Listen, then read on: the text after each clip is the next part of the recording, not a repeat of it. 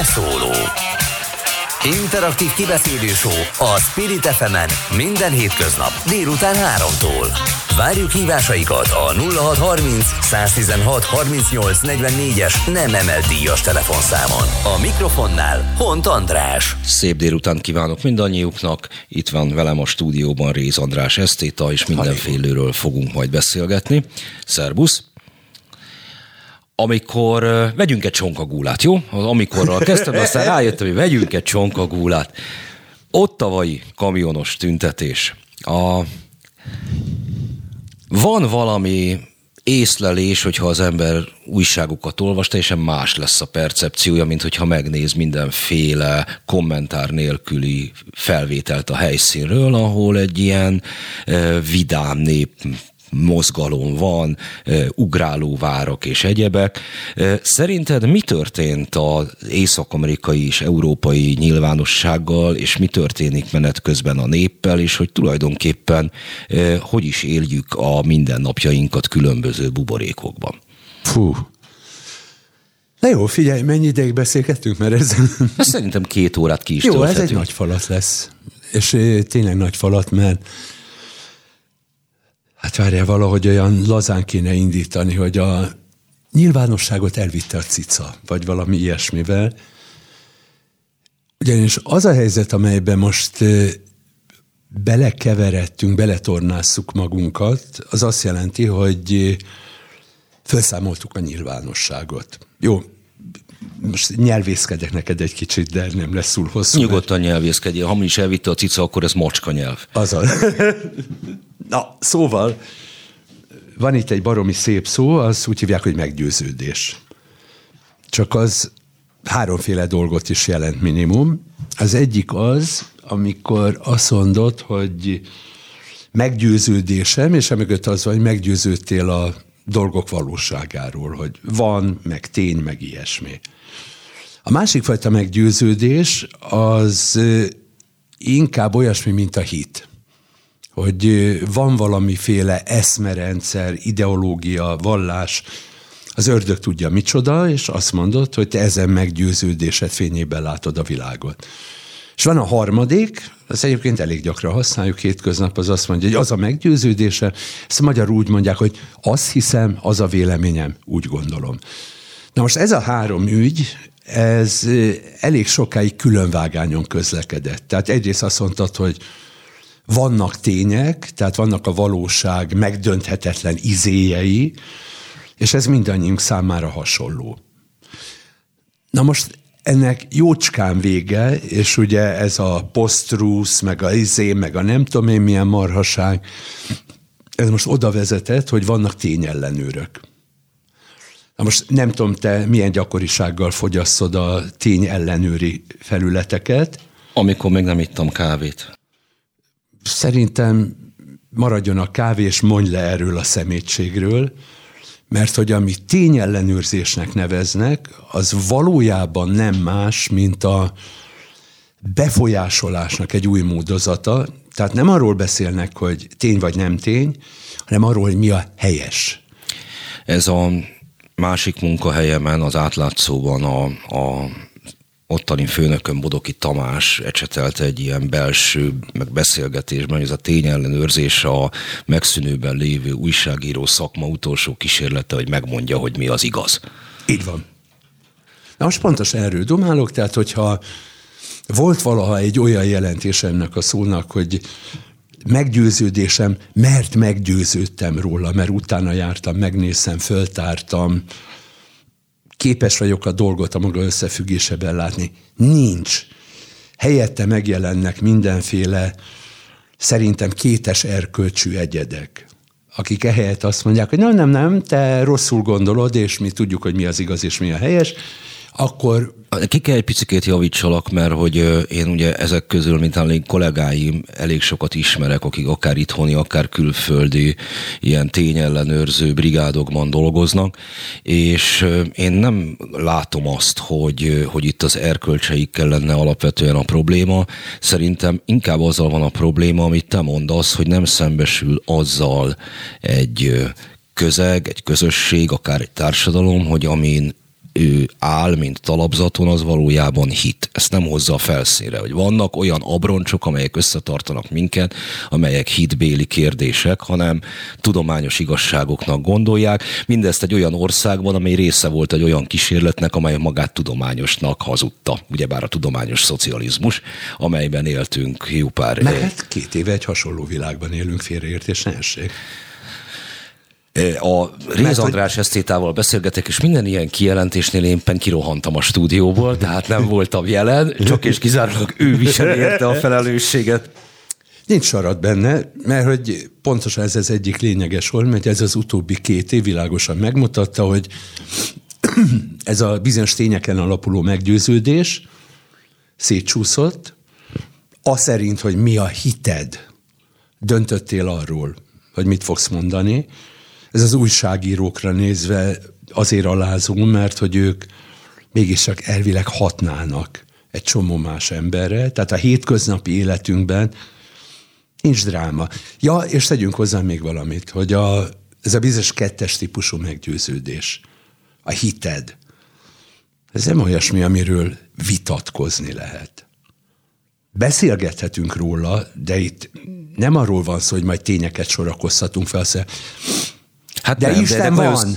E, ja, ja, igen. De ennek nagyon, nagyon szép irodalma van az ókortól kezdve, amikor ugye azzal e, kezdődnek ezek az iratok, amikor a két különböző vallású találkozik, mondjuk a, a középkori arab e, filozófiai írásokban a zsidó mindig a, a muszlimmal, és akkor először is tisztázzák azt, hogy ki milyen fundamentumon áll. És De innentől figyelj, lehet... Ezek tök izgalmasak. De félreértés ne essék, a hitvitának nem az a lényege, hogy egyik megtéríti a másikat, hanem sokkal inkább mondjuk ilyet, az emberi elme pallérozása. Hát meg az, hogy Pázmány Péter nagyon csúnyákat mondhasson Alvinci Péterről. Az, az például... Nagy... Jó, most hagyjuk a homoúzion és a homoúzion vitáját, meg a tragédiát, de ezek a beszélgetések, ezek tényleg arról szóltak egykoron, hogy nem, nem kell egyet érteni, tehát az unitáriusok és a trinitáriusok ne értsenek egyet, de az ő vitájuk az állati fontos dolog ahhoz, hogy az elméd az több szögből lássa a világot. Én most már tudom, hogy miről fogunk itt beszélgetni az elkövetkező időszakban, a fajtánkról, ahogy Morvai Krisztina írta a maguk fajtájáról. Szóval, hogy a, arról a fajtáról, eh, amelyiknek mégiscsak az a dolga, hogy más emberek helyett, akinek nem jut erre ideje, nem feladata, eh, nem erre képezték ki, a világ jelenségeit összegyűjtögesse, feldolgozza, akár művészi, akár intellektuális formában, tehát az értelmiségről. Kanyarodjunk vissza a kiinduló alaphoz, vannak ezek a derék kanadai kamionsofőrök, akiknek vagy igazuk van, vagy nem.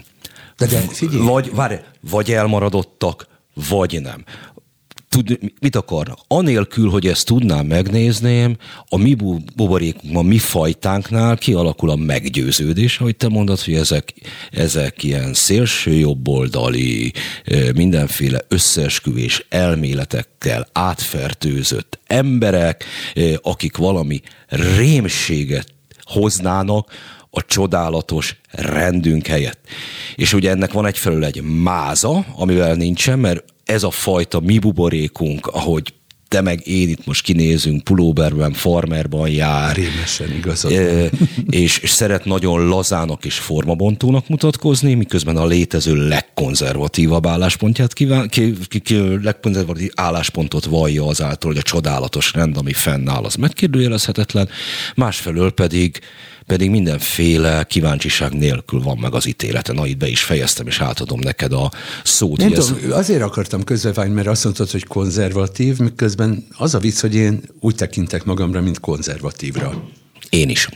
Tehát most nem akartam üvöltve kikérni magamnak, de... Állagőrző konzervatív ügy lenne pontos, amit én akarok igen, mondani, tehát a fennálló igen, viszonyoknak mert az a fajta konzervativizmus, amelyik azt mondja, hogy mindenféle felsőbb utasítás rendelet parancs szent a számomra, az egy cseléd. Azt én nem nevezném konzervatívnak. Én úgy gondolom, hogy a konzervativizmus például az én esetemben szemben a mi progresszív gondolkodásra, vagy nem is tudom, hogy mi áll a túloldalon, valami olyasmit jelent, hogy vannak bizonyos hagyományok, értékek, kulturális izék, amelyekhez határozottan ragaszkodom. Egyszerűen azért, mert, mert hogy az eddigi működésemben ezek meghatároztak. Meg az időhöz, mint hitelesítő tényezőhöz. Igen. Na most, ha visszatérünk a konvojhoz, ebben a pillanatban ugye arról folyik a beszélgetés, hogy rohadék, náci, fasiszta, trampista csürhe, meg láttuk, hogy horogkeresztes lobogókat hurcolásznak, Különösebben senkit nem érdekelt az sem, hogy a horogkereszt az adott esetben nem arról szólt, hogy ők a harmadik birodalom hívei, hanem arról, hogy éppen regnáló kormányukat illették ezzel a jelzővel, Példaként. és azt mondták, hogy amit csinálnak, az hasonlatos ahhoz.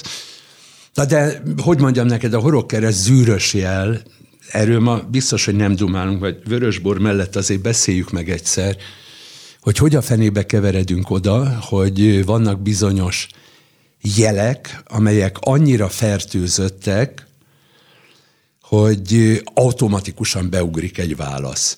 Tehát nem fordul meg a fejükben az, hogy az ott felvonuló kamionosok például egy picit távol vannak a harmadik birodalomtól. Nem, ha látok egy horogkeresztet, akkor holokauszt van. De hát könyörgöm, mi van akkor, hogyha ez a jelkép már levált az eredeti jelentéséről? Valószínűleg nem tud leválni. Egy, ameddig nem lesz annyira messze, mint az asszír genocidium, addig ez így nem igen tud leválni. Nem tudom. Nem tudom, én tök másképp látom az egészet. Ugye ilyenkor mindig el szoktam mondani, hogy az én összes ismert felmenőm zsidó. Na most akkor a következő ízé az, hogy... Réz elvtárs, nem is az ismertekről beszélünk, hanem az ismeretlenekről. És ilyenkor hozzá az, hogy akkor ugye fáj neked a holokausz. És akkor mondom, hogy várjátok, ez egy sokkal bonyolultabb ügy. Mert én ugye második generációs vagyok, tehát az apám járta meg, ezért nem fené. Elmondta 1641-szer. Én végighallgattam az egészet. Oké, okay, ez rendben van, ez a mi családunk hagyománya, meg, meg az áldozata. Ez teljesen rendben van. De amikor én elmondom a kislányomnak ezt a történetet, köteles ugyanúgy értelmezni, mint ahogy az én apám vagy az ő apja. Én és ráadásul a kislányodról én előtt sokat szoktam beszélgetni, eh, tehát nagyon-nagyon csúszós terepre fogunk érkezni. Nem, nyilvánvalóan nem, ő a tabukat fogja belőle érzékelni, hogy bizonyos dolgokról Igen. miért nem lehet beszélni. Na de várj, mert nekem van még két unokám is. Ezek lassan cseperednek, de egyszer csak szembesülni kell azzal, hogy van itt egy, egy furcsa jel, és ez mi az ördögöt jelentsen, hogyan kell értelmezni. Tehát magyarán, ahogy távolodunk a történelmi eseményektől, ahogy egymás váltják a generációk, lehet, hogy a horogkereszt egy adott pillanatban a protestálás, a tiltakozás jelévé válik, mint Ottavában. Na most, ha ezek után azt mondod a tiltakozókra, hogy fasiszták, mert egy ilyen jelképet van pofájuk használni, nem biztos, hogy helyesen Ez egy közönséges hamisítás, amikor ugye elrettendő példaként mutatják fel, vagy, vagy szitokszóként, hogy ti ilyenek vagytok, és ezt úgy fordítja le egy európai hírszerkesztő. No. Ez, ez, ez, ez a része hamisítás. De az, hogy önmagában van-e, szabad-e, van-e létjogosultsága, 70 évvel holokauszt után bármit ehhez hasonlítani, ez ugyebár ízlésbéli kérdés. Szerintem egyébként mindent szabad, még akkor is, hogyha én nem tenném. De mert, mert ugye holland bíróság Igen. effektíve elítélt egy embert, aki a koronavírus intéz, politikust, aki a koronavírus intézkedéseket azt a, a harmadik birodalom rémtetteihez hasonlította, kiszabott rá napi nem tudom hány euró büntetést a szólásszabadság legnagyobb örömére és dicsőségére. E, de hogy azért az egy megbeszélhető kérdés, hogy ez ízléses, elfogadjuk azt, amit Pilinszki mondott erről, hogy az emberiség világbotránya a, a holokauszt, akkor jó darabig az a világbotrány az maradjon világbotrány és egyedi. Szerintem emellett is lehet érvelni. Hogy egyedi ügy, egyedi szimbólumok. Na most nekem tetszik ez a szemlélet, amelyről beszámolsz, de egy kicsit vók nekem, hogy most így fogalmazzak. Hát pedig igen távol áll tőle. Tudom. Tehát magyarán, hogy változnak-e a jelképeink, a tabujaink, hogy telnek, múlnak az évtizedek, minden ugyanazt jelenti-e, amit annak idején. Mi történik akkor, amikor ezeket átírjuk, felülírjuk, amikor, amikor egyáltalán megismerjük. Mondok neked egy nagyon egyszerű példát. Fogalmam sincs róla, hogy mit tudom én, a 30-as évek osztrák-német polgárai, aztán ugye az Anschlussban már nehéz szétválogatni őket, mit gondoltak az emberek üldözéséről, bezárásáról, megsemmisítéséről. Egy amerikai rendező, aki egyébként eredetleg félreértés neség nagyon európai volt, és hát, hát Berlinben futotta ki magát, aztán menekült Amerikába. Úgy hívják, hogy Billy Wilder, Billy Wilder, vagy mit tudom én, mi a helyes kiejtése. Amikor elérkezett 45 tavasza, akkor villámgyorsan átküldték Európába, összegyűjtötték a felvételeket a haláltáborokról, a testekről, egy csomó borzalomról, és villámgyorsan összevágott egy filmet, aminek az volt a címe, hogy a halálmalmok. És akkor minek is, meg mi volt ez, meg miért kellett? És ördögi sebességgel bemutatták a filmet Ausztriában és Németországban. Pont ott, na most pont ott, mert hogy volt valamiféle tudásuk, elképzelésük, hitő, hitük arról, hogy mi történik, de egy, nem biztos, hogy tudták, kettő, ha tudták, nem voltak biztosak benne, vagy tudták, de nem sejtették, hogy egy klasszikus idézek, vagy tudták és el akarták mismásolni, vagy egyet értettek vele. Tehát magyarán azt mondta, hogy itt vagyunk 1945-ben, megmutatjuk a tényeket. Nektek, hogy mindazt, amit eddig gondoltatok, gondoljátok újra. Na most az 1945. Azóta eltelt háromnegyed évszázad. Most, hogy mondjam, fogadjuk el, hogy a sarró és kalapács, a vörös a horogkereszt és az összes többi jelkép, ezt a háromnegyed évszázadot, a vörös csillag esetében kurtább időt, úgy élte meg, hogy átváltozott. Na most elvárhatom-e az új nemzedékektől, hogy minden egyes alkalommal helyezzék történelmi összefüggésbe ezeket a jelképeket, vagy, vagy valami tök más fognak jelenteni. De most ez a komoly ez, ez a jelkép azért jelent ti hmm. azt, amit jelenti, mert hozzá tartozik az a jelentés tartomány, amit a történelem során szedett magára.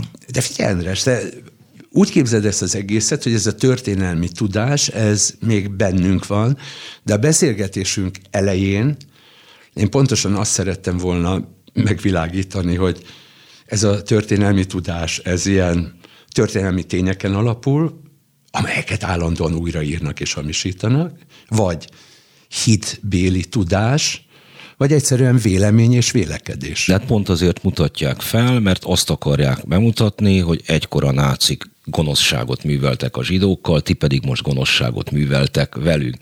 Önmagában a szasztika ártalmatlan lenne, és nem akar, azt akarnák mondani, hogy ti a tudás és a hit olyan birtokosai vagytok, hogy mindjárt a nirvánába fogtok lépni.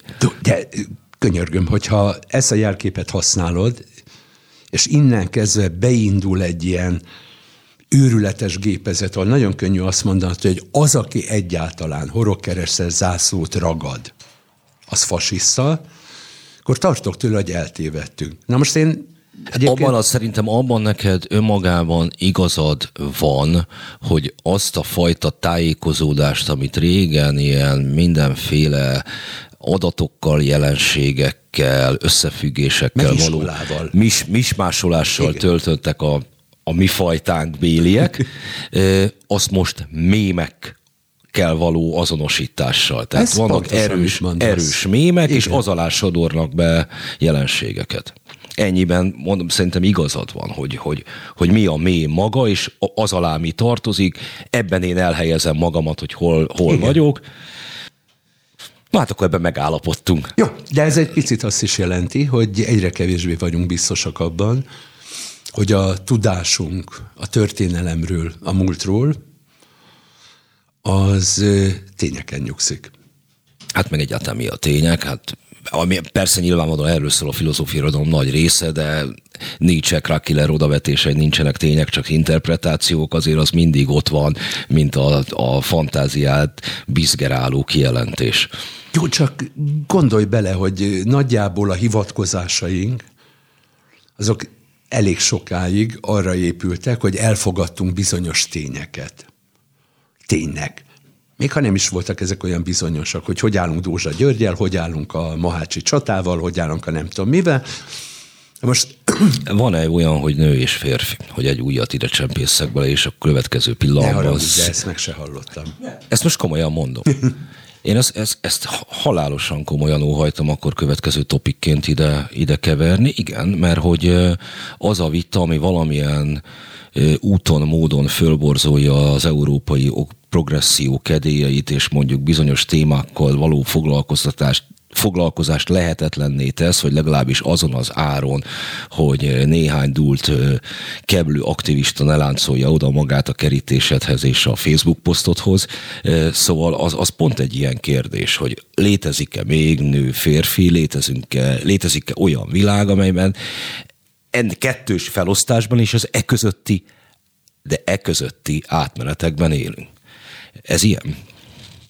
Hát figyelj, lépésre vagyunk attól, hogy ezt a nő-férfi problémát megoldjuk. Ö, lesz egy százas lista.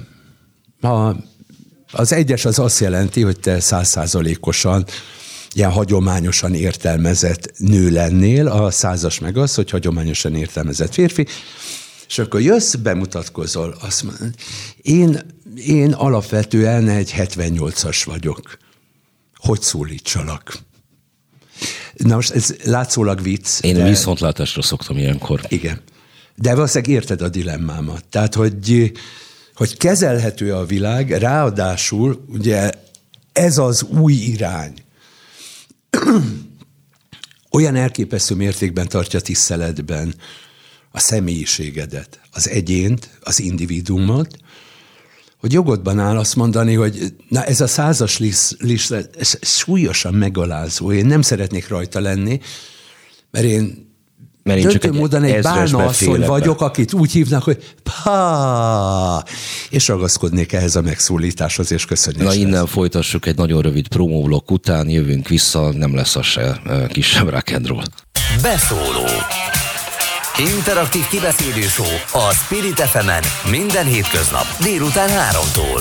Várjuk hívásaikat a 0630 116 38 44-es nem emelt díjas telefonszámon. A mikrofonnál Hont András. Továbbra is szép délután kívánok, és továbbra is Rész András Esztét a vendégem itt a stúdióban. Ott hagytuk abba, hogy van a nő és férfi, de nem minden fogjuk folytatni, hanem ezt majd mindjárt vissza fogjuk keverni, hanem onnan-onnan elindultunk, mondva, hogy a mi fajtánkról beszélgessünk azokról az emberekről, akiknek mégiscsak az volna a dolga, hogy a világ jelenségeit megpróbálják regisztrálni és feldolgozni és közérthetővé tenni, vagy nem annyira közérthetővé, de mindenképpen eh, elmondani róluk, hogy ők mit gondolnak a létükről és működésükről, és hogy ennek a tevékenységnek a során hosszú-hosszú-hosszú-hosszú-hosszú évekig, talán évszázadokig az volt a mérce, hogy aki hozzáfogott bármilyen tény, történés megvizsgálásához, többnyire olyan szándékkal tette, hogy az általánosan elfogadott konszenzushoz képest mondjon valami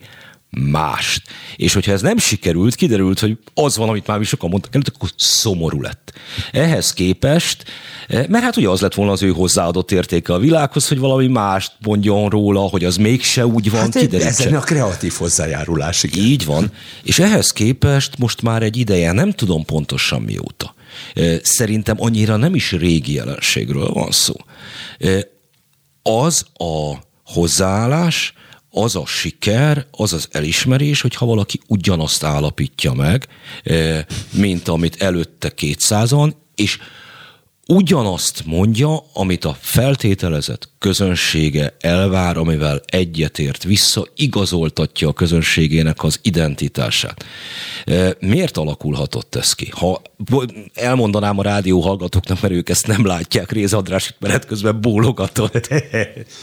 De azért bólogattam, mert ez egy őrült fontos kérdés, nehogy azt higgye bárki, hogy én erre tudom a pontos választ de maga a kérdés néha fontosabb, mint a válasz, tegyük hozzá. Tehát magyarán mindenki törje a fejét azon, hogy hogyan váltunk a marketológusok túlszaivá, vagy nem tudom, hogy kell ezt elegánsan. A marketolásnál. Igen, az se rossz.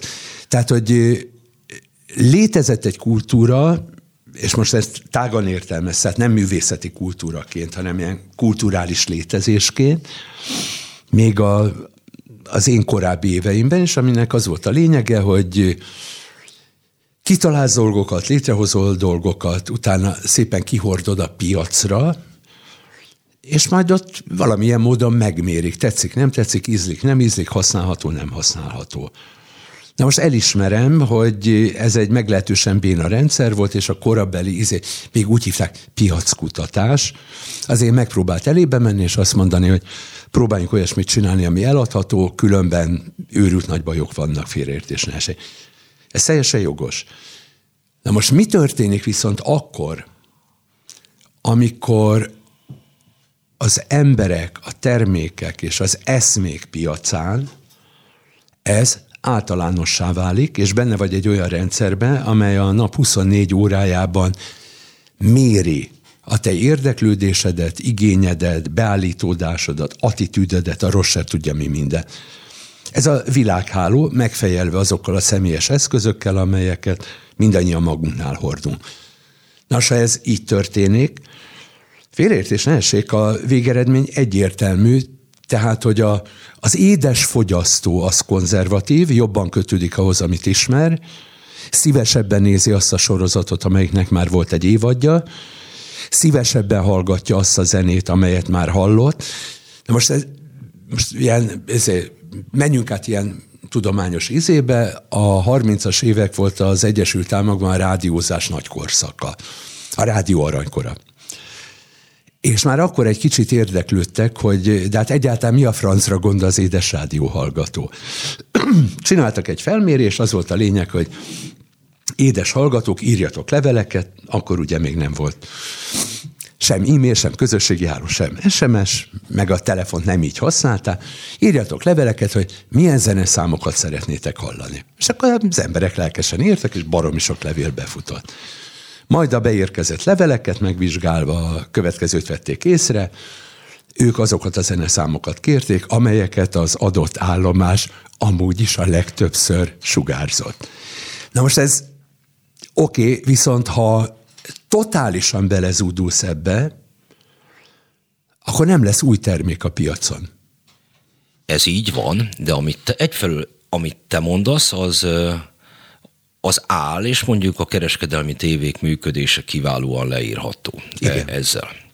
Viszont van egy új jelenség, mert ha te, te ezt elmondod, akkor az derülne ebből ki, hogy a mostani újságot, rádiót, mit tudom én, mit előállító garnitúrának piac és népérzékenynek kéne lenni. Holott pont az van, térjünk vissza, honnan kiindultunk Ottavából és a kamionosokból, vagy keverjük ide, amit előbb mondtam, a nőt meg a férfit, hogy nem, a nép már erről gyökeresen más gondol, szégyeli bizonyos társaságokban elmondani, hogy úgy gondolja, hogy van férfi meg nő, és nem annyira jó buli, hogy bezárnak minket, illetve a saját e, szervezetében már mindenki azt fecskendezze bele, amit akar. E, lehet, hogy erről nem mer nyíltan van, de ezt gondolja többség. És ehhez képest van a felemvelt újú médiaértelmiség, amelyik meg megy el egy teljesen más irányba, más valóságban. Nem, nem kutatja a piacot, mert akkor mást írna. Most figyelj, akkor egy másik megfogalmazásban, amiről beszélsz, az a kifinomult, az értelmiségi szót feltételesen használom, amíg jobbat nem találok, mert még a diplomás se pontos leírás. Ez mondjuk így a megmondók és influencerek közege, de ez meg túlságosan leszólna ezt a kiváló meg közösséget. Szűk. Igen. Bár, bár erősen ott van benne. Figyelj, majd találunk egy jó szót, csak hogy ne használjuk azt, hogy értelmiségi, mert annak idején az egyfajta felelős magatartásformát is jelentett. Tehát azt jelentette, hogy te, mint kiművelt emberfő, felelősséggel tartozol, minimum morális felelősséggel. Azért, amit mondasz, amit teszel, ahogyan intézkedsz a világ dolgaiban. Na most ez, ez ugye egy kicsit elfogyott alólunk, félreértés ne essék, viszont amiről elkezdtél beszélni, ez, az relatív fontos, és kapcsolódik a konvojhoz. Tehát ha ez a társulat rendez egy rohadt nagy partit, és folyamatosan ezt csinálja, arra az úgynevezett nép nem hivatalos. Bámulhatják, és közben azt mondja, anyádat vazát, ezért beszélsz össze-vissza, éli tovább a maga életét, csak hogy ez az élet kicsit furcsa lesz, mert folyamatosan úgy kell éreznie, hogy megalázták, leszólták, ő egy senki, ne ugass bele vaze, vagy követsz, vagy nem követsz. Na most itt a kamionosok esetében, ugye jó, az első nagyon földhöz ragadt magyarázat annyi, hogy elnézést, ezek a többnyire százashoz közeli nevű kamionsofőrök, ezek egyszerűen azt mondták, hogy akadályozza a munkánkat. És ha akadályozza a munkánkat, a további intézkedések, a 8 a 16 a nem tudom én hányadik oltás, a határátlépés bonyolítása, akkor ez a mi megélhetésünket veszélyezteti, de van egy másik vetület is, amiről nem dumálunk. Kanada meg USA, izétod, it's a big country. Na most, ha ezek a csávok nem fuvaroznak, akkor az, aki otthon ül a monitor előtt és okosakat mond, az nem kap áramot, nem kap vizet, nem kap kaját, nem kap alkatrész a kütyűhöz, amelyel föl tud menni a világhálóra. Tehát számomra ez arra is felhívja a figyelmet, hogy miközben mi itt elcsócsálgattuk az elmúlt két évben azt az eszmét, hogy kinek is van igaza, meg izé, meg engedelmesség, nem engedelmesség, ültünk a kütyű előtt, Közben kint meg valakinek el kellett vinni a szemetet, ha csőtörés volt, meg kellett javítani, el kellett hordani a kukából ezért, hogy vagy elnézést, de nem álltak le a vonatok, nem állt le a távfűtés hogy miközben vageszül fölhívtad a nem tudom én melyik izét, hogy akkor a futár már tolhatja is, de hát a cuccosnak be kellett kerülni a raktárba, ehhez viszont például le kellett szüretelni a termést, fel kellett dolgozni meg ilyen, izé, meg kellett etetni az állatot, meg néha az állatot gyógyítani is kellett, még akkor is, hogyha sokan úgy gondolták, hogy ez az emberekre nem érvényes, mert hát ugye az ember mégse állat félreértés ne essék, nem jár ki neki a gyógykezel. Na most a kamionosok folyamatosan tolták az elmúlt két évben, és ha nem tolták volna, akkor ezek az édes mindenféle államnők és államférfiak, de mi a francot csináltak volna? Akkor Át meg a főállású jó emberek a loftlakásokban. Igen, de, de hogy mondjam, nekem azt is jelenti, hogy miközben leállt a gyógyítás, és arra buzdítottak bennünket, hogy tapsoljuk meg az egészségügyet. És közben egyébként akar... az orvosok saját bevallása szerint akkor éppen a, a egészségügyi dolgozók, dolgozók 80%-a nem csinált semmit, mert nem volt dolga. Tudom, de most figyelj, én nem azt akarom, hogy, hogy tapsold meg a szemetest, meg a csőtörés javító ember, de mi van akkor, hogy tudom, azt mondod, de ez egy balos gondolat a francba is, meg lehet, hogy balos gondolat, én már ezeket nem tudom hova tenni, de én úgy érzem, hogy hogy a tisztánlátásunkhoz hozzátartozik az is, hogy könnyű neked megmondónak, influencernek, akárminek lenned, ami körülötted működik az az infrastruktúra, amelynek ki vagy szolgáltatva.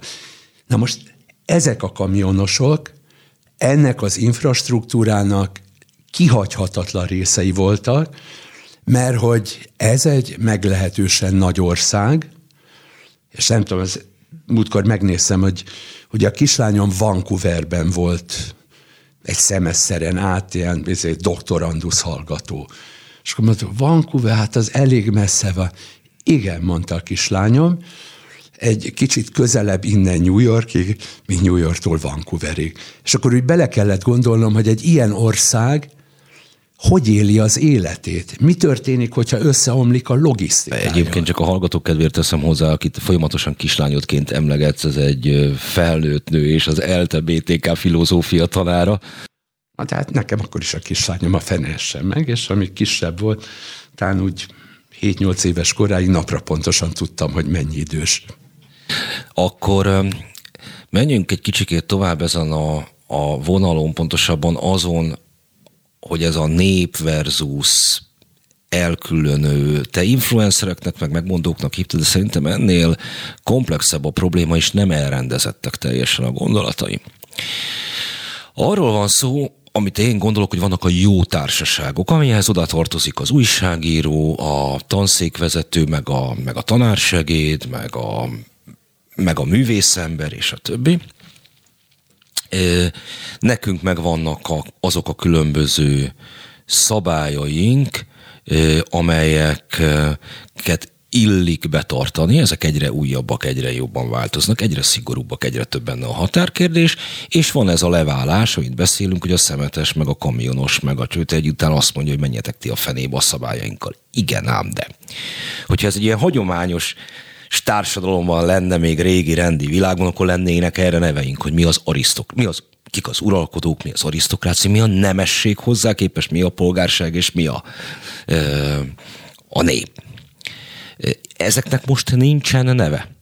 De megmaradt a részek, mert nem csupán arról van szó, hogy van egy leválás, ezek a jó társaságból való emberek így elkülönülnek és élnek a saját szabályok szerint, megtapsolják az egészségügyi dolgozók. Az még a kisebb gond lenne egyébként. Hanem ebből is van egy kiválás. Azt hiszem, hogy Orbán Viktor útját akarom leírni, amit ebben a két évben nagyon sokan mások jártak utána végig. Hogyha tíz társaságaitokban. Ezek a szabályok dívnak, majd mindjárt mondani fogok róla valami más, de előtt megvárom válaszol, akkor miután úgyis meggyőzhetetlenek vagytok, és úgyis mindig határkérdés van, ha én nem tudom feltenni azt az nagyon egyszerű kérdés, hogy van-e olyan, hogy férfi meg nő, és hogy a természetesen transzembernek is van méltósága, de mégiscsak átmeneten, ha mutattok nekem harmadik nemi szervet, akkor majd elhiszem, hogy van harmadik nem is. Szóval, ha ezeket az egyszerű kérdéseket nem tudom feltenni, mert a jó társasághoz való illem, szabály, készítők ezt lehetetlenné teszik nekem, akkor nem tartozom hozzátok, hanem összefogom a nép, összefogok a néppel ellenetek. És van egy ilyen kihullás ezekből a jobb társaságokból, hogy a, akik onnan nem csupán lefele lógnak felfele, akkor így, mint egy diótörő végül össze fogják törni ezeket a társaságokat. A nemzetközi progresszió igen nagy bajval van, szerintem ezt próbáltam le. Figyelj, ezt én abszolút értem, engem kösebben nem zavar, én már elég öreg vagyok, úgyhogy jöjjön a diótörő, hogyha úgy adódik. A, amit felvetettél, az viszont azért érdekes, mert tényleg létezett egy olyan állapotunk, amelyet úgy lehet leírni, hogy a jó, használjuk ezt a hogy a jó társaság. Tudod, az iskolázottak, azok, akik ha nem is átkozottul jó módúak, de az életüket valamilyen módon tudják menedzselni, meg. Na most figyelj, meg volt a véleménye a falusi kocsma törzsvendégének erről a bagázsról, a nadrágosokról, nem tudom én kikről, de a világ nem dőlt össze, ugyanis ez a jó társaság annó nem gondolta úgy, hogy a falusi kocsma törzsvendégének végig kell gondolnia, hogy hogyan is szólítsa a nőket, a férfiakat, a transzokat, hogy mit kezdjen azzal, hogy meleg, meg leszbikus, magyarán nem kényszerítettek rájuk egy másfajta gondolkodásmódot. Most viszont egy nagyon fura helyzet állt elő, mert most pár függetlenül valamennyi jó társaság úgy gondolja, hogy nem egyszerűen szlogeneket, mondatokat, izéket kell beültetni az emberekbe. Meg kell változtatni a gondolkodásukat. Na most ez tapintatosan megjegyzem, hogy néha egészen olyan, hogy a kultúrharc fogalmáig érünk, aminek már nem az a lényege, hogy hogyan hozol létre a művészeti ilyen-olyan amolyan kultúrában műveket meg benyomásokat, hanem sokkal inkább az, hogy a kultúrán keresztül hogyan teremtesz másfajta gondolkodásformát, magyarán vezérelt gondolkodásról beszélünk, és ennek a gondolkodásnak része például az, amelyet megpróbálnak ránk húzni, amikor azt mondod, hamarosan jön, mert ugye március 1-én a, a a Covid őrület el fog ülni az én becsléseim szerint, számon kérheted rajtam, ha mégse. Nem gondolok más. De majd lehet, hogy a helyére benyomul a két éve elcsöndesedett klímapánik, hiszen az éppen felszálló ágon volt, amikor ez a rusnya vírus egyszerre csak jött és kiütötte. Tehát magyarán a falusi kocsma törzs vendégére majd megpróbálják rákényszeríteni, hogy gondolkodjon globálisan, megpróbálják felelőssé tenni a nagyvilág különféle problémáiért, és valamilyen módon sutyomban nyíltan elvárják tőle, hogy tegyen valamit, és ha eddig a rumos kóláját műanyag szívószállal méltózhatott elfogyasztani, ennek rohadtul vessen véget, mert meghal a nagy... Ja nem, De szerintem a rumos kólával van alapvető a probléma. Igen, az egy másik mondás. Maradjunk meg egy csöppet a társaságoknál, adjunk nevet a gyereknek. Jakub Gabriella azt nyilatkozta Gulyás Mártonnak a múlt héten, hogy a MeToo kiherélte a férfiakat eltűnt az élt, a, némi bárdolatlanság és a többi. És amit te mondasz, hogy befolyásolni akarták a gond, vagy befolyásolni akarják a gondolkodást, vezérelni, mármint a népét, a jó társaságokhoz tartozó emberek. E, itt egyetértőleg vitatkozni szeretnék veled. Mert hogy Jakub Cseh Gabriellánál, a MeToo-nál maradva, és amit elmondott, az azt jelenti, hogy, hogy amit egyébként megbecsülhető volt már 2017-ben is, hogy ez úgysem fog elérni a ö, bükk aranyos ábrányi MGTS-nek a hátsó fertájához, ahol már pedig azt mondja az üzemmérnek, hogy Julika leveszi a bugyját. Jó, most úgy sem ért el, mint ahogy nem ér el, de ezek az illemszabály írók a mi társaságaink szabályát akarták igazából egyedül szabályozni, és egy olyan nő, mint Jakub Csep Gabriel, aki köszönöm szépen saját maga jogán ő el tudja ezt intézni, azt mondja, hogy nincsen rá különösebben szüksége. És hogy ez valahogy a demokrácia, arisztokrácia, egyenjogúság, kiválóság feszültségével függ össze, hogy a, pont a második világháború óta eltelt emancipatórikus mozgalmak eredményezték azt, hogy bizonyos korlátok elsöprődtek, például a szerkesztőségben, amelyek nagyon kivagyi, rátarti helyek voltak, szigorú belső hierarchiákkal és csuklóztatással és macho cigarettafüsttel, szivarfüsttel, bekerült mindenki, hogy hogy van valamiféle ilyen belső, ami egyébként egyfelől helyes, mondom, ez egy feszültség a demokrácia és a kiválóság tiszteletek között mindig, hogy ez nem egy ilyen túlfeszített dolog, esztéte vagy végre, végtére is, nincsen rendező és színész között olyan jellegű egyenjogúság, amit elvárhatunk a munkaerőpiacon más szakmában. Nincsen olyan mérce, ami az íróra vonatkozik, és így tovább. És hogy azok az emberek, akiknek azért a társaság tagjai, mert igazából az ő társaságukba akarnak lenni, na azokat nyírja ki a társaság, és ők mennek el beszélni a népnyelvén egy idő után. Megint valami nagyon durva dolga jöttél elő. Nem érünk a végére, de a kérdés megint csak megpróbálom a magam módján megfogalmazni. Meg ilyen kultúrharcos izéből is. Szóval, ha ilyen elegáns úriemberként fogalmaznak, azt mondják, hogy a kánon kérdése. Ami ugye az eredeti jelentését tekintve nem más, mint mérce, mérővesző. A kánon.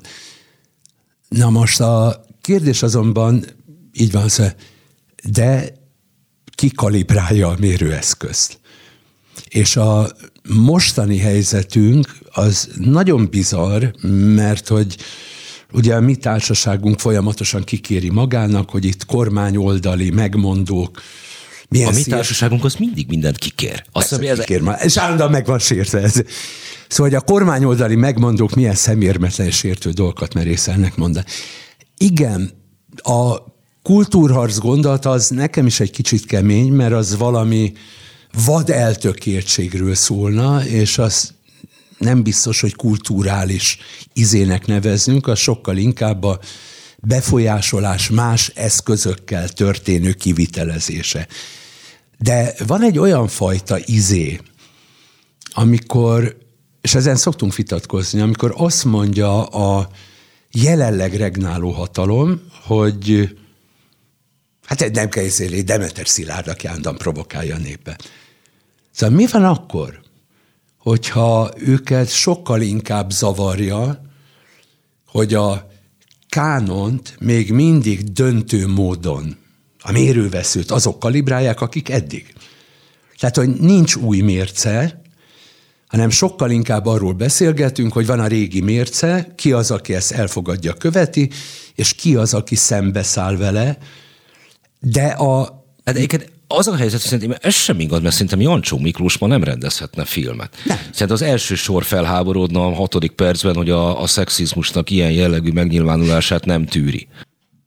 Jó, de hogy mondjam neked, pontosan erről beszélünk, mert lehet, hogy Jancsó Miklós... Mondjuk én a második sorban boldog lennék, hogy végre elmennek onnan előlem az első sorból. Fúj, na, tedd félre a pornográl fantáziádat. Igen, annak nem idején volt, volt olyan néző, aki pontosan ezért látogatta Jancsó Miklós filmjeit, de néha bonyolultabb Én csak a kilátás miatt, meg a mozinak a struktúrája miatt gondoltam, az nem volt másnap. Ne én akkor még ilyen rendes értelmiségi voltam. Igen, akkor még használtuk ezt a szót, és amikor egy Jancsó filmet megnézem, akkor bennem ilyen erős indulatok támadtak, hogy miért halad így a történelem, meg hogy hogyan vélekedünk mindenféle dolgokról, meg amikor felhangzott benne egy dal, akkor úristen, ez a harmadik birodalom páncélosainak is az indulója volt, meg a vörös katonáká is, vörös katonák is, akkor hogy áll ez a világ? Szóval, hogy mondjam neked, itt, itt nekem ez ennyiben mérce probléma, hogy, mihez mérünk, mihez igazítunk. Ez a mihez képes problémája, amit fölvetettél, és nem tudok vele mit kezdeni. Mert az egyik oldalon, ugye én, mint ilyen konzervatív izé azt mondom, hogy az eddig létrejött értékeket nem szeretném kihajítani. Tehát az eltörlés kultúráját nem gyakorolnám. A másik oldal meg igenis van bennem is valamilyen izé, hogy na de elnézés, ez a mérce, preferál egy csomó olyan művet, alkotót, gondolatot, amely nem biztos, hogy olyan rémesen eredeti, de megfelel, beleilleszkedik, követi. A jó társaság elfogadja. Na most ez marha nehéz ügy, és köple, de néha én is úgy érzem, hogy ez a, ez a furcsa kánon, ez rohadtul idegesítő, mert a maga módján ugyanúgy megbénítja az életünket, mint ahogy a MeToo, mint ahogy a BLM, mint ahogy a bánat tudja micsoda, mert hogyha vissza akarunk kapcsolni a Jakub Gabi féle mondatokhoz, ugye ott gyorsan egy vallomást kell tenni. Na várj, ne, akkor a vallomásról második Vallomás rész kezdjük, ugyanis a hírek következnek, és azok mindenféle vallomást felülírnak, de jövünk vissza a következő órában. Réz Andrással beszélgetünk. Beszóló Interaktív kibeszélő show a Spirit fm minden hétköznap délután 3-tól. Várjuk hívásaikat a 0630 116 38 44-es nem emelt díjas telefonszámon. A mikrofonnál Hont András. Továbbra is szép délután kívánok, valóban itt van, én vagyok itt a mikrofonnál, illetve velem szemben Réz András Esztéta, és beszéltünk az első órában, hát az ottavai kamionosokról, a holokausztról, tényellenőrökről, Jakubcsev Gabriel, Gabrielláról, a, arról, hogy létezik-e még nő és, fér, nő, nő és férfi, illetve a kánonról, és valahol a kánonnál szakadtunk félre, arra, hogy ki az, aki megállapítja változatlanul a mércét. Itt, itt, itt szakítottalak félbe. Így van, bár én akkor azt mondtam neked, hogy szeretnék reagálni Jakub Gabi megjegyzésére, mert hogy... Parancsolj! Ja, semmi, az annyi. Hát, szóval, hogy, hogy én annak idején üdvözöltem a mitút. És naívan úgy gondoltam, hogy, hogy ez nem rossz dolog, mert hogy elindul majd a művészvilágból, de el fogja írni a hétköznapi embereket, tehát mit tudom én, hogy Szabó Imréné polcrendezőt is el fogja írni, akit ezek után nem zaklathat a főnöke a raktárban.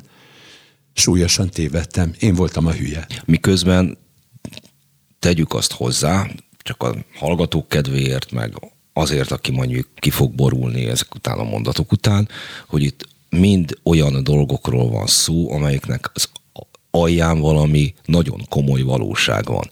Van nőkkel, nőkkel szembeni erőszak, Persze. nem is kevés. Van intézményes rasszizmus a világ számtalan országában, helyes a kiállás színesbőrűekért, másokért. Vár, És már... létezik, létezik vírus is. De ez már bonyolultabb, mert a helyes a kiállás mondatod az látszólag egy végtelenül korrekt mondat, csak hogy elnézést én nem tartom helyén valónak, amit a rohingyák ellen elkövetnek. Nem tartom helyén valónak, hogyha a világ különféle országaiban megkülönböztetnek, megcsonkítanak, ölnek. Félértés ne esély. Egy apró dilemmám van ugyanakkor, hogy én hogyan tudom megoldani ezt a problémát, mert jó emberkedni én is tudok. Tehát ha nagyon akarod, akkor most kifakadok, és, és kikelek a világ minden bűne és aljassága ellen. Ezt nagyon hangosan is tudom tenni, ha kéred. Csak hogy nagyon kevés eszközöm van erre. Na most ez a, hogy mondjam, és visszatérünk egy kicsit ehhez a kánon problémához. Beleszorítod az alsó bivajosi kocsma törzs vendégét abba, hogy globális problémákon gondolkodjon, amikor az ezekre gyakorolható befolyása elenyésző, felelőssé teszed az egyes embert, és nem véletlenül hivatkoztam a, a klímapánik kérdésére. Szóval, hogy Tudom, nekem nem kellett volna szénerőműveket építenem, de hát basszus, ott a garázs előtt volt egy kis üres hely, felépítettem egy ilyet, meg nem kellett volna, jól tudom, eldobható termékeket előállítanom százmilliós példányszámba, de hát ott volt egy szabad napon, és úgy gondoltam, hogy megpróbálkozom vele. Nem én találtam ki a fapados repülőjáratot, de hát ha már ott áll az udvarban az a 30-40 sugárhajtású repülőgép, hát akkor miért ne indítanám el ezt az egészet? Én maximálisan egyetértek azzal, amit mondasz, amit mondani akarsz. A, pont ezt, erre, erre próbáltam utalni, hogy, hogy vannak ezek a jól hangzó ügyek, amelyeknek igazság van az alapján. Van megkülönböztetés, van nőkkel szembeni erőszak, és igen, van. van vírus. De ezért az egyes embernek mennyi áldozatot kell hozni, illetve ami ennél fontosabb, ki dönti el, hogy éppen aktuálisan mi a legnagyobb veszély, ami háttérbe szorítja az összes többi funkciót.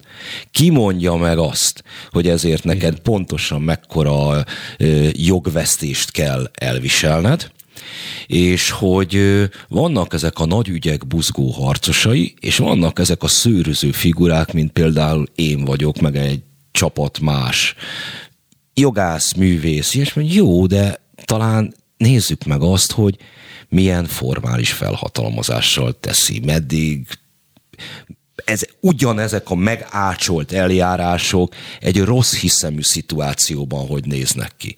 Mert teljes, mert ha van egy elkövető és egy áldozat, nagyon helyes, hogy az áldozat végre kifakad, és ezért az elkövetőt megbüntetik. És ez abszolút milyen De hogyha védje várjál, meg várjál. magát, az érdekeit, és hogyha tudsz valamit tenni ezért, akkor tedd meg, mert a jóra való resség az halálos Igen, főbűn. de hogyha mindeközben megácsolsz egy olyan eljárást, egy olyan módszert teszel elfogadhatóvá, hogy mondjuk bemondás alapon bárki bizonyítás nélkül elkövetőnek minősül, egy vírus, ami van, és halálos áldozatokat követel, az mindenféle formális jogi eljárás nélkül akkora veszélyként tételeződik, hogy két évig leállítják miatta a világot, akkor mi mindig a következő.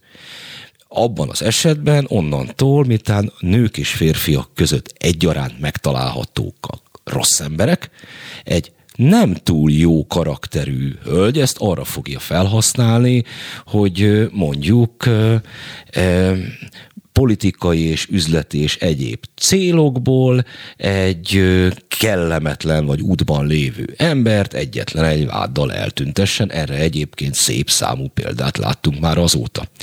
És hogy, hogy ezzel leszünk itt magá, a vonatkoztassunk el a helyzettől. Egy kis abstrakciót szeretnénk kérni a tisztelt jó társaságtól. Itt jönnek a problémák, hogy ilyen nincsen. Van az ügy, te meg akadékoskodsz, egyénieskedsz, feltűnősködsz.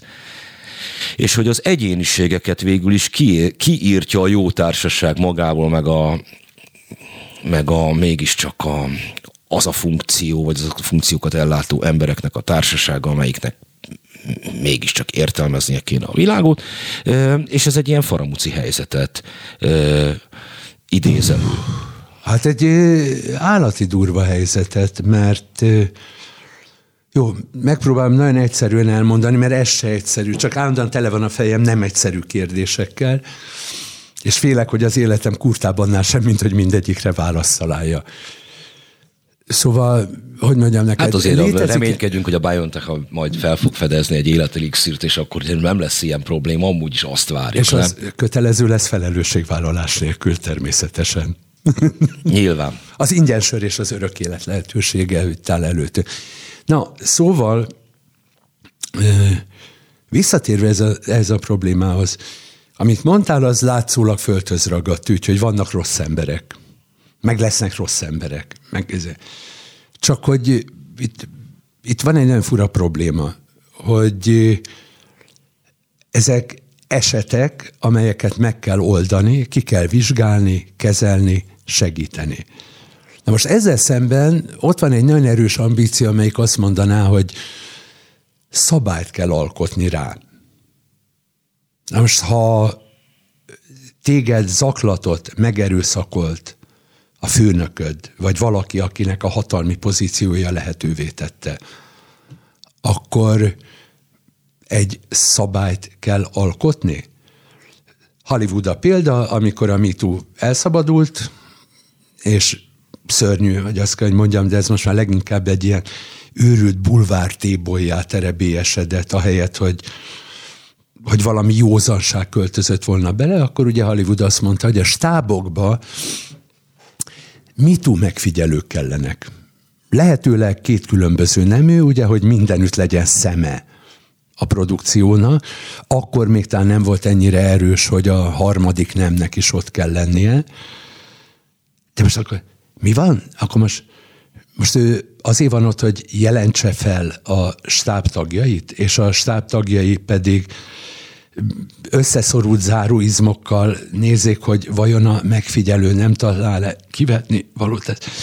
Tehát nem arról volt szó, hogy konkrétan történt valami, vizsgáljuk ki, és aki ilyen szemétséget követett el, az büntes meg megfelelően, állíts bíróság elé, csukas le, tök mindegy, hogy miről van szó, hanem kitalálunk egy új szabályrendszer.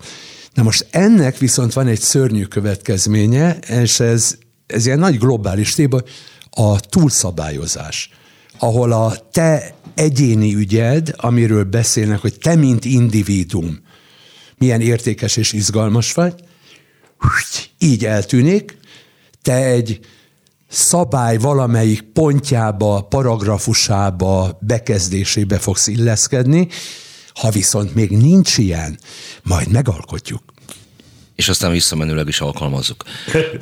Hogy egyébként ez, ez történik, tehát mondjuk 2022-es szabályokat kérünk számon mondjuk 80-as évekbéli Igen. érintkezéseken és mondásokon, amit egyébként lehetne a kort magát elítélni, csak ezzel kapcsolatban én azt szoktam mindig mondani, hogy lehet azt mondani, hogy az 1400-as évek második felékben a higiénés viszonyok Visegrádon és Budán nem voltak a legkifogás talanabbak.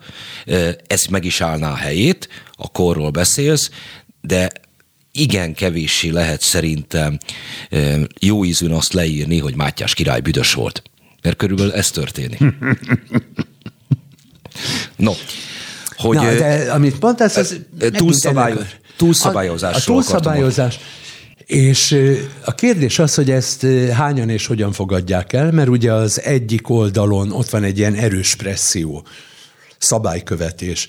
És őszintén sajnálom, hogy a jó társaság beállt ebbe, hogy kövesd a szabályt, mert az valamiért jó, még ha nem is én hoztam, hanem valaki, akinek ez az érdekeit szolgálja, de a szabály az biztos jó. És most már vannak azért egy pára mindenféle előadók, izék, akik azt mondják, hogy elnézést, ha ez a szabály, akkor én nem fogok fellépni. De van olyan, ez például marha nagy csalódás, van itt ez a Mick Jagger nevezetű fószer, akit én elég. Van, aki, az, a, az, aki olyan ingeket hord, mint a karácsony, nem? Az. Az, Értem, ez a Mick Jagger nekem, nekem rohadtul fontos volt még, amikor kölyök voltam és egyszer csak azt mondják Amerikában, hogy oké, okay, jöhettek turnézni, ami egyébként ebben az életkorban parádés mutatvány. El kell, hogy ismerje.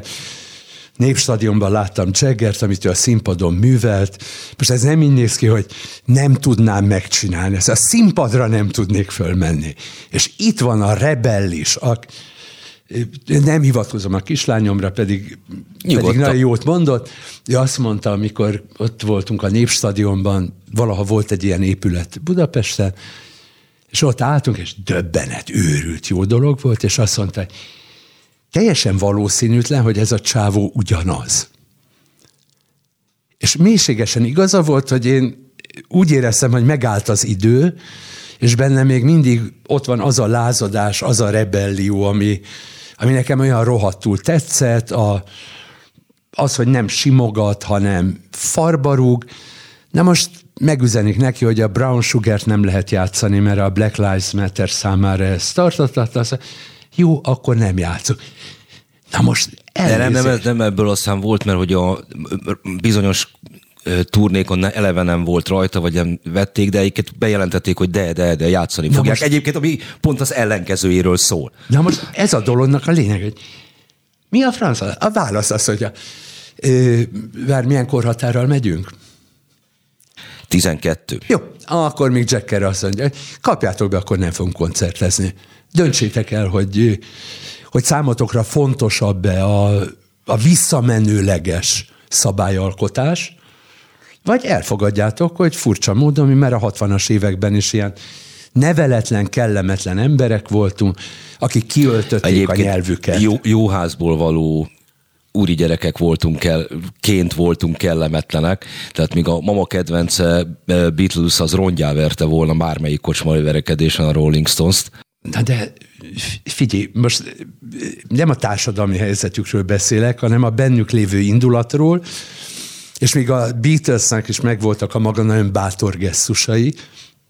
Sajnálom, de a Rolling Stones mindégig pofátlan volt, tenyérbe mászó, érdes, és valószínűleg pontosan ezt kedveltük benne, és ha megkérdezted volna, hogy melyiküket bírom jobban, mert ez az én fiatalkorom félreértés első, meg is kérdezték, akkor azt mondtam, hogy nem tudom, mert hogy a, a Beatlesnek ez az egész elvarázsolt zenei világ nagyon-nagyon jó, de ragaszkodom Mick Jaggerhez, hogy rúgja őket fenéken, hogy rázza föl.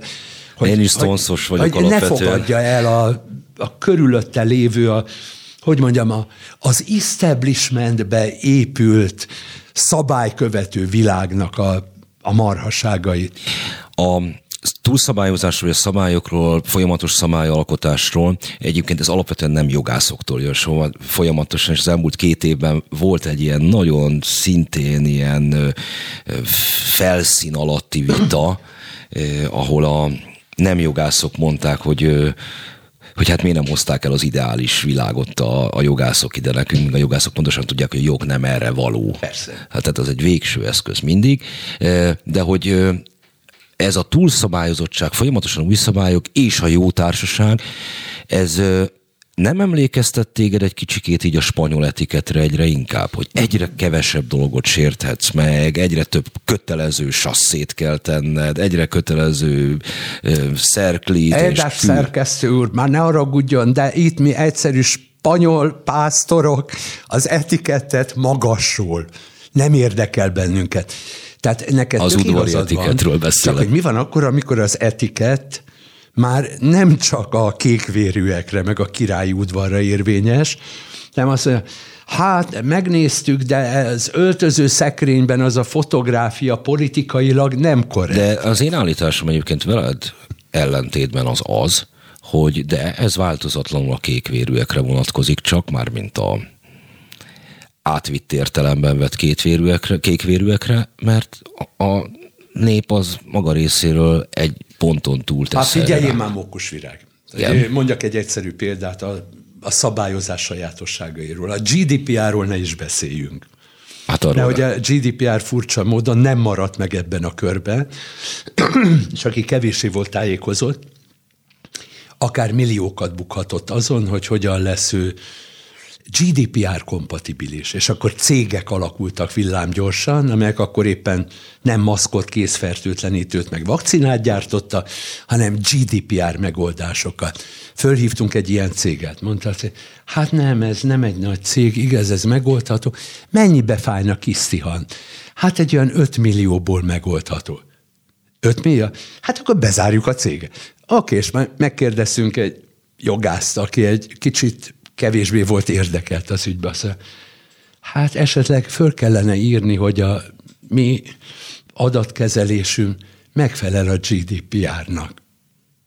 Ennyi? Lényegében ennyi. Majd ugyanez a nemes testület nemrég bejelentette, hogy ők azt tervezték, hogy 2000, már neki lesz 50-re vagy valahogy, lényegében nullára csökkentik a közlekedési balesetek számát. Ez egy EU-s irányelv. Aztán kiderült, Szerintem hogy... egészen jó úton haladtunk abban, amikor a közlekedést megszünteted, akkor a közlekedési balesetet Igen, is. Nem, csak egy baj van, hogy ők elkezdték figyelni a számokat, és a csökkenés nem volt meggyőző. Mire bejelentették a következőt, bevezetik, most ne kérdezz, hogy melyik eszendőtől, hogy a városokban 30 kilométeres lesz a megengedett óránkénti sebesség csúcsa. Hallgatod.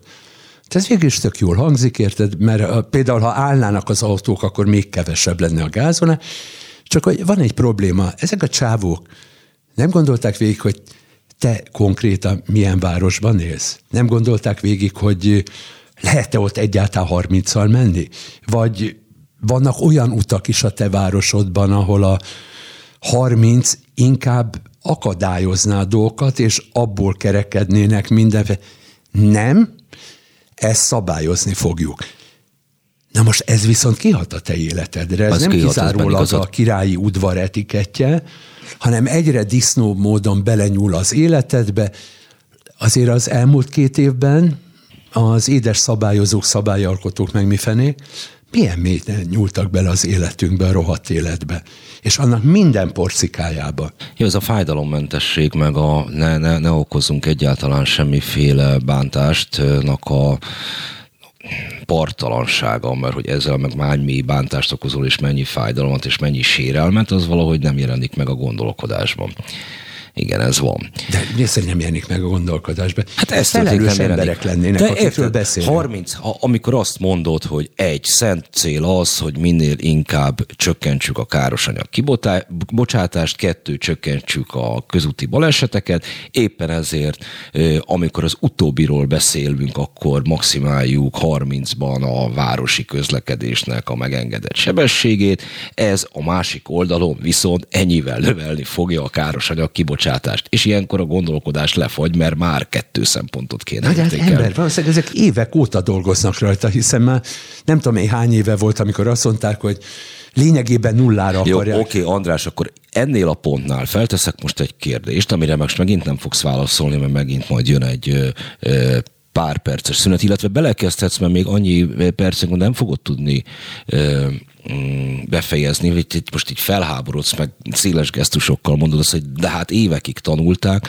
emberek évekig tanultak, leérettségiztek, és minden figyfene más, e, és elkezdenek nyilatkozni arról, hogy hogyan kell csökkenteni egy bizonyos vírusnak a számát, és egyszerűen szempontként nem jelenik meg, nem hogy érettségizett, de adott esetben akadémiai címekkel rendelkező embereknél, hogy a gazdaság, mint olyan az emberélet, emberéletek sokassága is összemérhető. Meg a közösség félreértés nehesség. A az már, az, már, az már kettő áttételem van ja, szerintem. Igazad, mert ezt nem is értik egyébként, hogyha a közösséget szétrobbantják, ezzel gyakorlatilag digitáliába száműzik az embereket, és akkor már tényleg csak abban bízhatsz, hogy az alsóbi vajosi kocsmában, bár nagyon várják, hogy minden 14 éven felüli számítógéphez jusson, de talán még nem forog a fejükbe, hogy milyen jó lenne az élet, hogyha mindent online intézhetnénk, és csak egy regisztráció kellene hozzá. Igen, igen, igen, csak a kérdés az az volt, hogy mondom még egyszer, ez, ez a fajta félműveltség, ez a fajta beszűkültség, elven a felvilágosodás századát követően, a holisztikus szemlélet és a komplex gondolkodásnak a piedesztára állítását után, hogy jelenthetett meg ez a mérhetetlenül leegyszerűsített. Ryan közlegényt akarjuk megmenteni minden áron, hogyha az egész világ bele is pusztul. De ez nincsen, ez, ez egy tagadás alatt van a második félmondat. Na most nagyon jó, hogy ezt mondtad, mert ugye a Ryan közlegényt úgy értelmezte a nézők nyomaszó többsége, hogy ez egyfajta hőstörténet. És elfelejtették a film elejét. Itt meghaltak a tesók, a sok testvér közül egyetlen egy maradt eddig életben. És mi most propaganda céllal útnak indítunk embereket, akik nagy valószínűséggel belehalnak.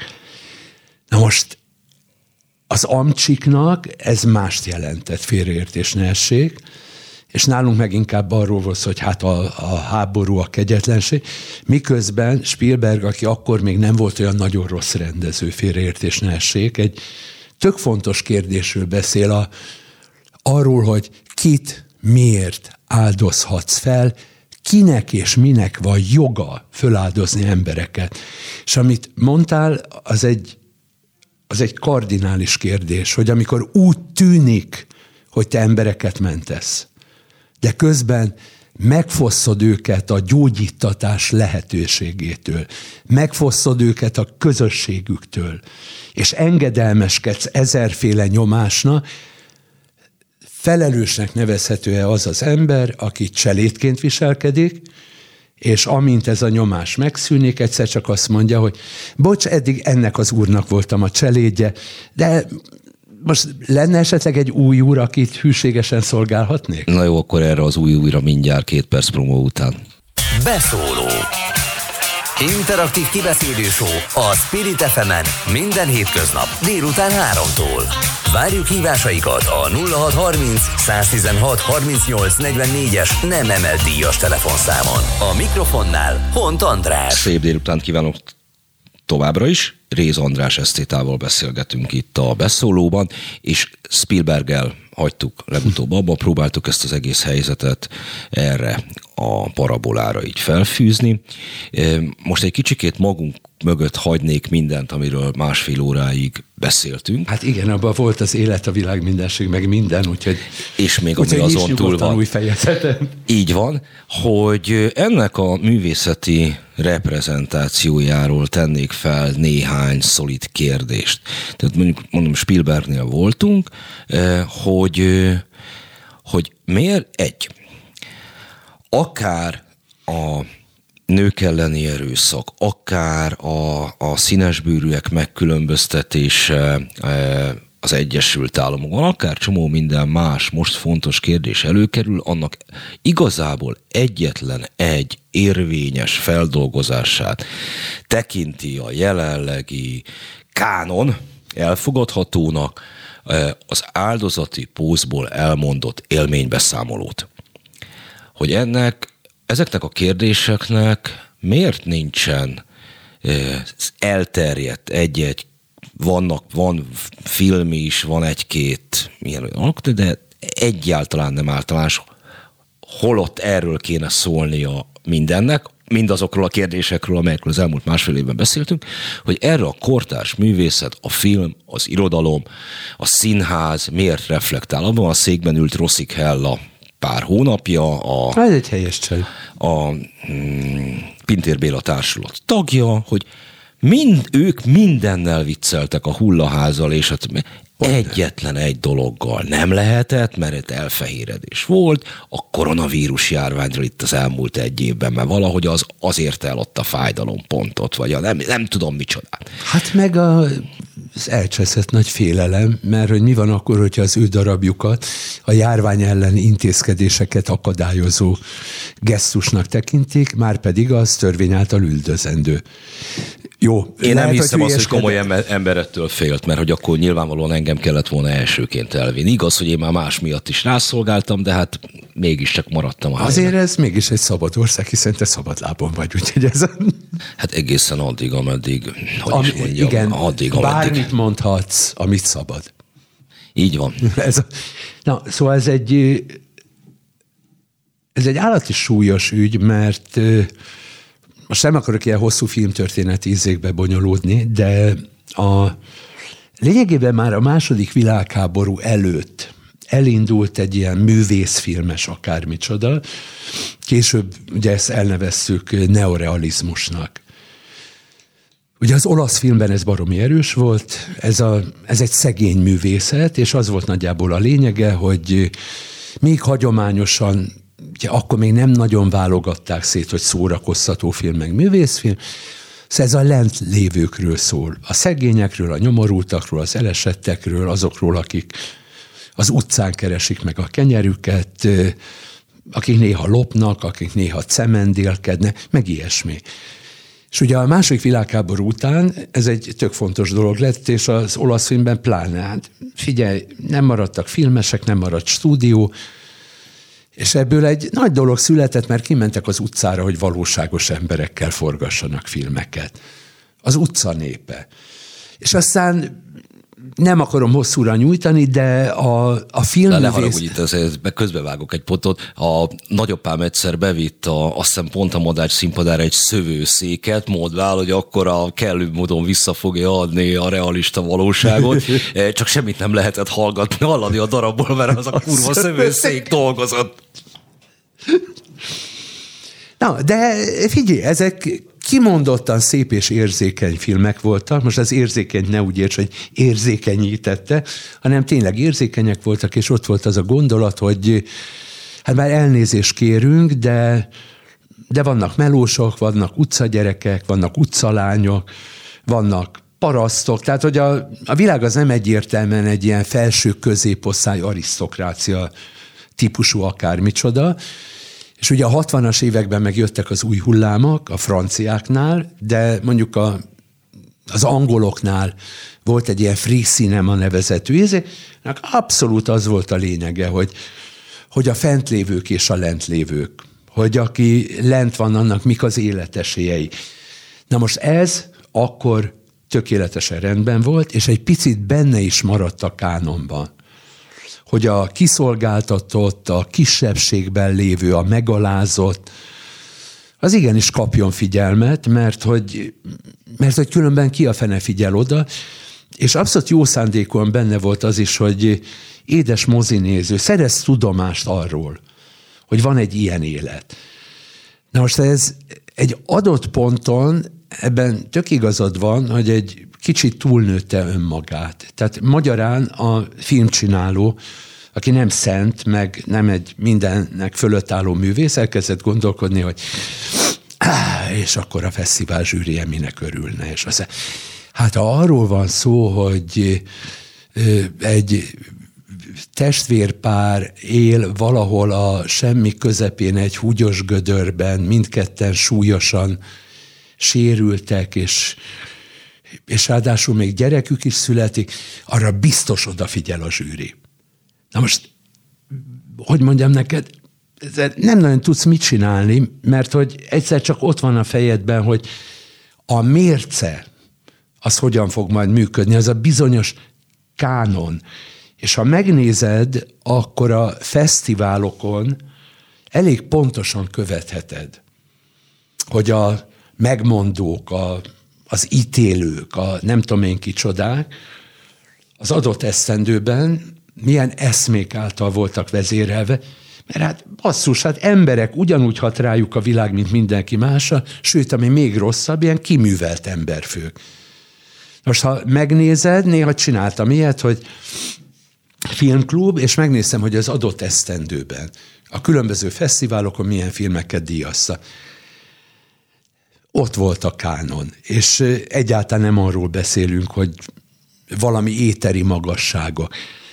Az most egy bonyolultabb kérdés, hogy mi van akkor, hogyha ez a kánon tovább dúsul, vagy még töményebbé válik, mert hogy a, a sérült, sértett állapotban levés, az egy ilyen világállapot, és valahol mindig felbukkan valaki, aki fölpanaszolja, hogy, hogy ő kiszolgáltatott, hogy vacak a helyzete, de lehet-e bennünket még tovább érzékenyíteni, vagy elkövetkezik egy pillanat, amikor immunizálódunk.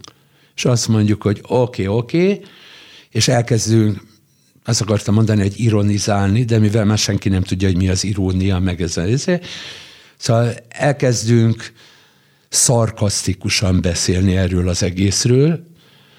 A néző szintúgy nem hivatalos erre a bulira, mert hogy ezek többnyire fesztiválfilmek, amelyeket föl lehet mutatni. Na most ez meg valami olyasmit jelez előre, amivel én nem szívesen nézek szembe, de számolnom kell vele, hogy lezárják a világot két évre, lemészárolják a mozikat, és mindaz, amit eddig egy kulturális formának tekintettünk, az belesodródik valami másba, mert figyelj, mi van akkor, hogyha a mozik nem térnek magukhoz, és itt most nem csak arról van szó, hogy tönkre mennek, hanem az emberekbe ültetett félelem olyan rohadtul mélyen beivódik, hogy azt mondja, hogy hát figyelj, megnézem online, megvállom, amíg a Netflixen, az Amazonon, a Hulon, a, az HBO Maxon, a Disney, az ördög tudja, micsodán bemutatja. De akkor mi a francnak csinálnál mozifilmeket? Hogyha nincs többé mozi, csak egy képernyő van. De ez is ketté osztódik, legalább két felé. Lehet, hogy a mozi meg fog szűnni, mert hogy ki a mozi közössége. Egyébként nem hiszem, mert a multiplex nem fog megszűnni. Az összes előadó ismerősöm azért arról számol be, hogy a szeriőznek tekintett rendezvények haldokolnak, mindegy, hogy stand-upról beszélünk, vagy rockzenéről. Még, még azért egy Ossian koncerten valahol, valamelyik falunapon, gondol meg, vagy, vagy csak simán és egyszerűen vidéki ilyen rokkocsmában, változatlanul telt házon, és köszönjük szépen a maguk részéről, nem tekintik irányadónak a másfél méterrel beszerelt székek szabályát, úgyhogy mozgon át eszik a popcornt. Ez jó volt. Köszönöm reciklálható szívószálon keresztül, ezt még tegyük hozzá. Ja, ja, ja. Nem, szóval én egy picit azért rosszabbnak érzem a helyzetet. A mozik elkezdtek magukhoz szérni, de ez a magához szér a mozi nagyjából azt jelentette, hogy a, a pókember köszöni szépen nagy sikert aratott. Tehát a tizenévesek valamelyest visszatértek, de egy csomóan meg örökre lemorzsolódtak. Tehát rájöttek, hogy nagyon kényelmes alul semmiben a popcornt akár massz nélkül fogyasztani Ez várja, ne haragudj, az al- alul semmiben, az neked megvan, hogy a, a valamelyik tudományos diákköri ülés a, a jogi karon hmm. tavaly előtt? Nem, nem. Tudományos diákköri ülés a, a jogi karon Zoomon. E, és egy, az egyik hát, e, hallgató e, atlétatrikóban volt ami azt jelenti, hogy csak atléta trikóval volt, majd egyszer csak egy ponton elfelejtkezett erről a tényről, és felállt. Hát figyelj. És e, innentől kezdve a tudományos Ez diákkör... abszolút hiteles, amit mondasz. De, de nem, me- megvannak a felvetett napokig, tehát nyilván Ne, aztán nem. leszették meg. Nem, a hiteles nem arra mondtam, hogy kételkedem, hanem épp ellenkezőleg. Na de figyelj, otthon vagy, a szobádban vagy, most akkor elnézést, fel kellene öltöznöm? Nem vagyok ott. Na most ez egy állati fontos kérdés, ez a jelen nem lét kultúrája, amiben durván sodródunk bele. Akkor még egy szemponttal megszakítalak, mert azt viszont a lányodtól hallottam. A jelen nem lét kultúrájánál meg ez a kérdés, hogy boncolgassák ilyen oktatási nevelési intézmények. A jelenléti Mikulás szerintem az elvitte a pálmát. Már a mennyiben Mikulás az pálmát tud elvinni, és nem virgácsot egyébként hozni. Figyelj, néha szoktunk beszélgetni, nem biztos, hogy mindenben egyetértünk, de mi még ragaszkodunk hozzá, hogyha másként nem is telefonon hosszasan beszélgessünk a világ dolgairól.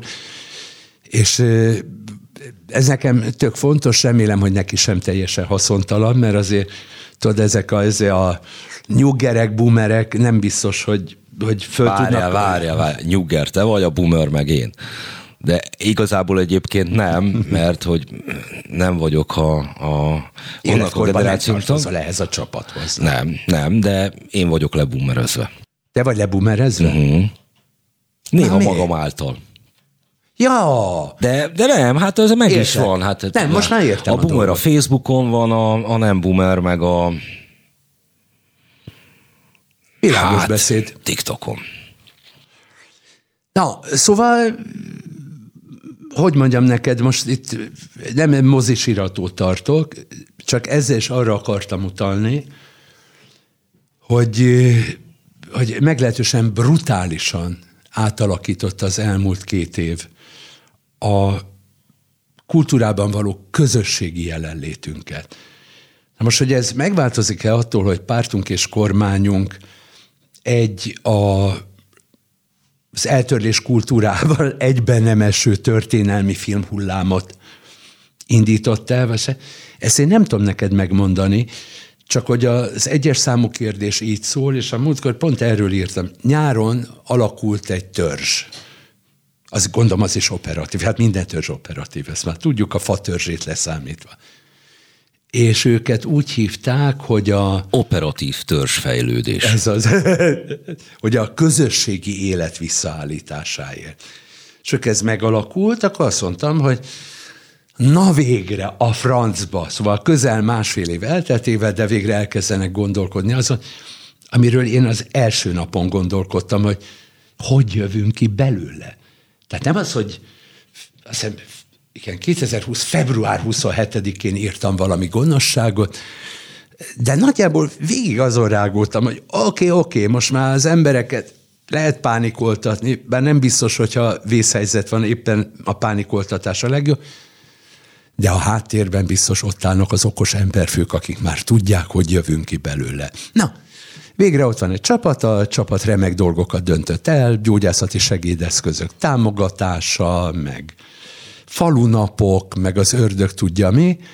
Nagyon, nagyon rendben volt. Egyetlen egy kérdésre nem tudtak választ adni, hogy mi van akkor, hogyha ezeket az eseményeket, amelyeket bőkezően támogattak, a lezárások miatt emberek nem tudják látogatni. Szóval, hogy akkor a közösségi életet hogy a francba lehetne helyreállítani? Na most ezzel ráadásul nem is pártunkat és kormányunkat akarom szivatni a végtelenségig, mert attól tartok, hogy ezen az aprócska kontinensen, sőt további kontinenseken ezt a kérdést ugyanúgy nem méltóztattak föltenni, hogy elnézést, hogyan indítjuk újra. Még 2020 áprilisában ember nem tudta, hogy meddig tart. Ezen rágódtunk, beszélgettünk, hogy ez, ez nem vacak dolog, tudod, hogy nem tervezhető az élet, nem tudod, mi lesz holnap, és akkor én egyre jobban utálom a hasonlatokat, mert most már mindenki visszaél velük, de akkor azt mondtam, hogy hát a gőzmozdonyt nem köteles mindenki ismerni, de az a helyzet, hogyha leállítod a gőzmozdonyt, és aztán úgy döntesz, hogy mégis újra szerelvényt kellene húznia, nyolc óra, amíg felfűtöd. És az én kérdésem az volt, hogy oké, okay, leállítod, mennyi ideig tart, amíg felfűtöd a gazdaságot, a közösségi életet, a kultúrát, mindent, mert hogy de most ez senkit nem érdekelt, mert helyette egy nagyszabású vakcina értékesítési tranzakciónak a részleteiben voltunk elmélyedve, mindenki virológussá vált, és, és nem értette, nem lehet föltenni azt a kérdést, hogy mi lesz utána? Tehát, hogyha nem is térhetünk vissza a 2019-es állapotokhoz, azok se voltak hibátlanok. Mi fog történni, amikor egyszer csak valaki veszi a bátorságot, és azt mondja, vége, rázzuk gatyába a világot, hozzuk működésbe. Én ezt értem, amit te mondasz. És ugyebár ezzel foglalkoztunk két évig, nekem ez a probléma ugyanúgy megvan az első percről kezdve, számomra az a kérdés, hogy a művészet erre miért nem reflektált pont erre a kérdésre. Hogy ez, ez, ez miért nincsen meg sztoriban? Miért nincsen meg filmnyelven? Miért nincsen meg zenében? Ez, ez a leg meghökkentőbb dolog, ami történt velünk az elmúlt évtizedekben, az ez volt. És minthogyha nagy íróink és rockzerészeink. Született néhány mű, tehát nem akarok nagyon súlyosan, tehát például a filmekből jó, hát az rémes az úgynevezett dokumentum ismeretterjesztő, nem tudom milyen termés, mert azt vasvilával összeányták.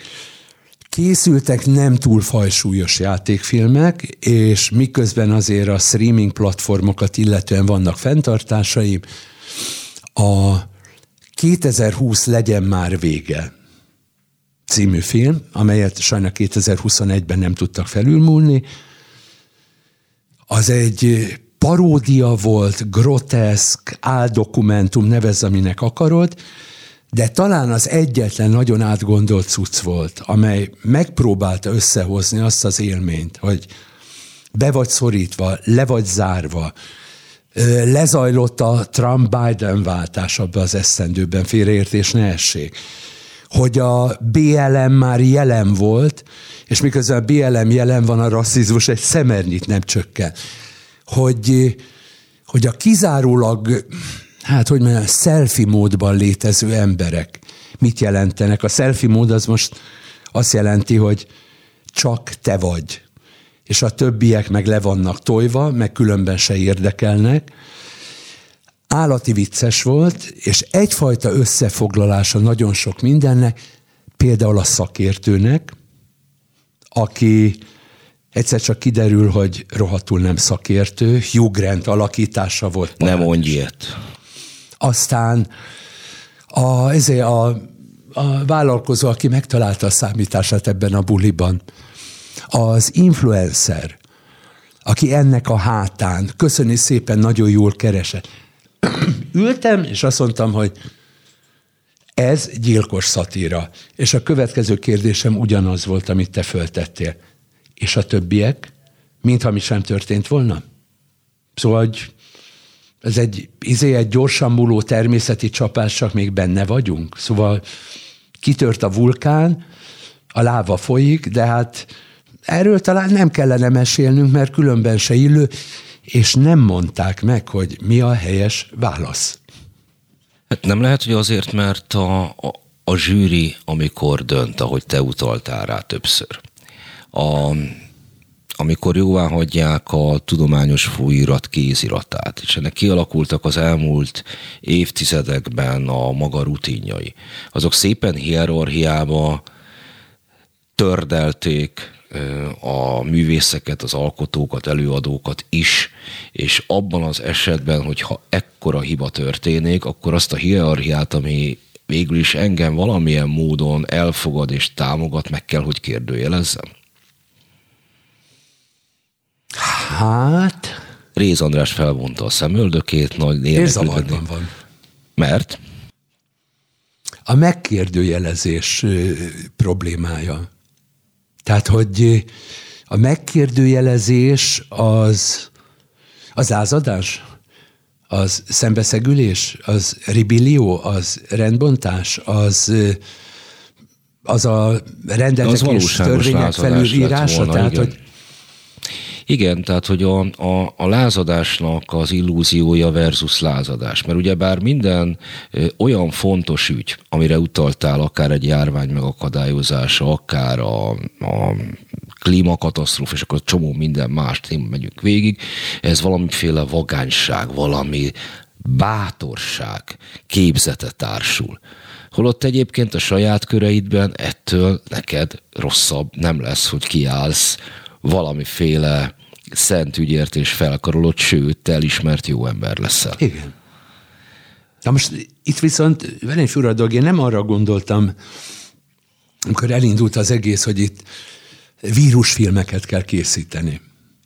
Hanem ezért hoztam példának egy ilyen nem túl jelentős, de annál erőteljesebb műalkotás, hogy képesek vagytok-e észrevenni a világ furcsa torzulásait, változásait. És, és hát a filmesek azt mondja, egy ilyen bátor népség, ha már szóba hoztad Jancsó Miklóst. Miki bácsának voltak jobb, meg rosszabb filmjei. Miki bácsának voltak megrendítő filmjei, mikor úgy, úgy kicsit szédelegve jöttem ki a moziból, és volt olyan, amikor tudtam, hogy a, a mester most kapott pénzt egy filmre, és azért valamit csinál, az egyikben még én is ott sertepert értem. De a szabadság kérdése, az végig jelen volt. Talán a Mátyás királyból eltűnt, de előtte folyamatosan már-már rögeszmésen arról beszél, hogy mennyire manipulálnak. Miről gondolod az, hogy a szabadság? Tényleg szabadság-e? Hogy, hogy hogyan fordítanak bennünket egymással szembe? Na most ezek állati erős gondolatok voltak. Most mindjárt ez egy másik beszélgetés tárgya lenne, hogy a korabeli kultúrpolitika hogyan merészelte tolerálni ezeket a pofátlan dolgokat. Valószínűleg azért, mert Jancsó Miklós ezeket egy nagyon sajátos, nem könnyen érthető nyelven mesélte el, de az rohadtul világos volt, hogy szabadság. És még sorolhatnám neked azokat az artistákat az előző kádárizmusból, akik úgy gondolták, hogy a, hogy a szabadság az valamilyen fontos eszme, meg gyakorlat, meg izé. Ez egy nem túlságosan bonyolult diktatúra közepette csinálták, és ott ültél, és azt mondtad, hogy hát igen, szabadság, de amikor két éve ránk köszöntett ez a szörnyűség, akkor én egy régebbi viccet meséltem mindig, tudod, ez a Rákos elvtárs áruhában fölkeresi a, az új sütetű termelőszövetkezeti parasságot, hogy a közhangulatot felmérje, és akkor Minkű sötét van, TS iroda, petróleumlámpa, fél sötétben emberek üldögélnek, néznek maguk elé, Rákos elvtárs belép, büszkén megáll szálfa termetével, és azt mondja, hogy szabadság elvtársak. Mire egy hang a sötétből? Az kéne, meg egy kis eső. Szóval, hogy, hogy én azért úgy éreztem, hogy, hogy a szabadság gondolata, ugye akkor egyértelmű, hogy egy fennálló rendel szemben képviselték a szabadság eszméjét.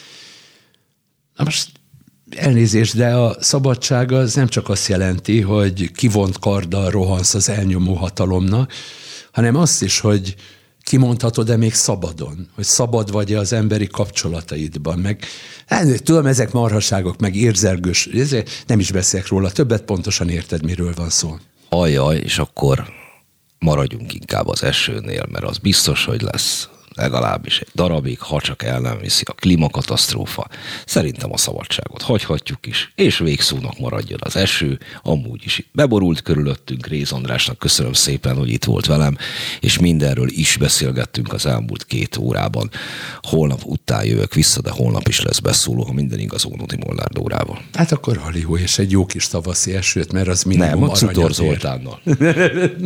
Igen, de egyébként pedig tavaszi szélvizet áraszt.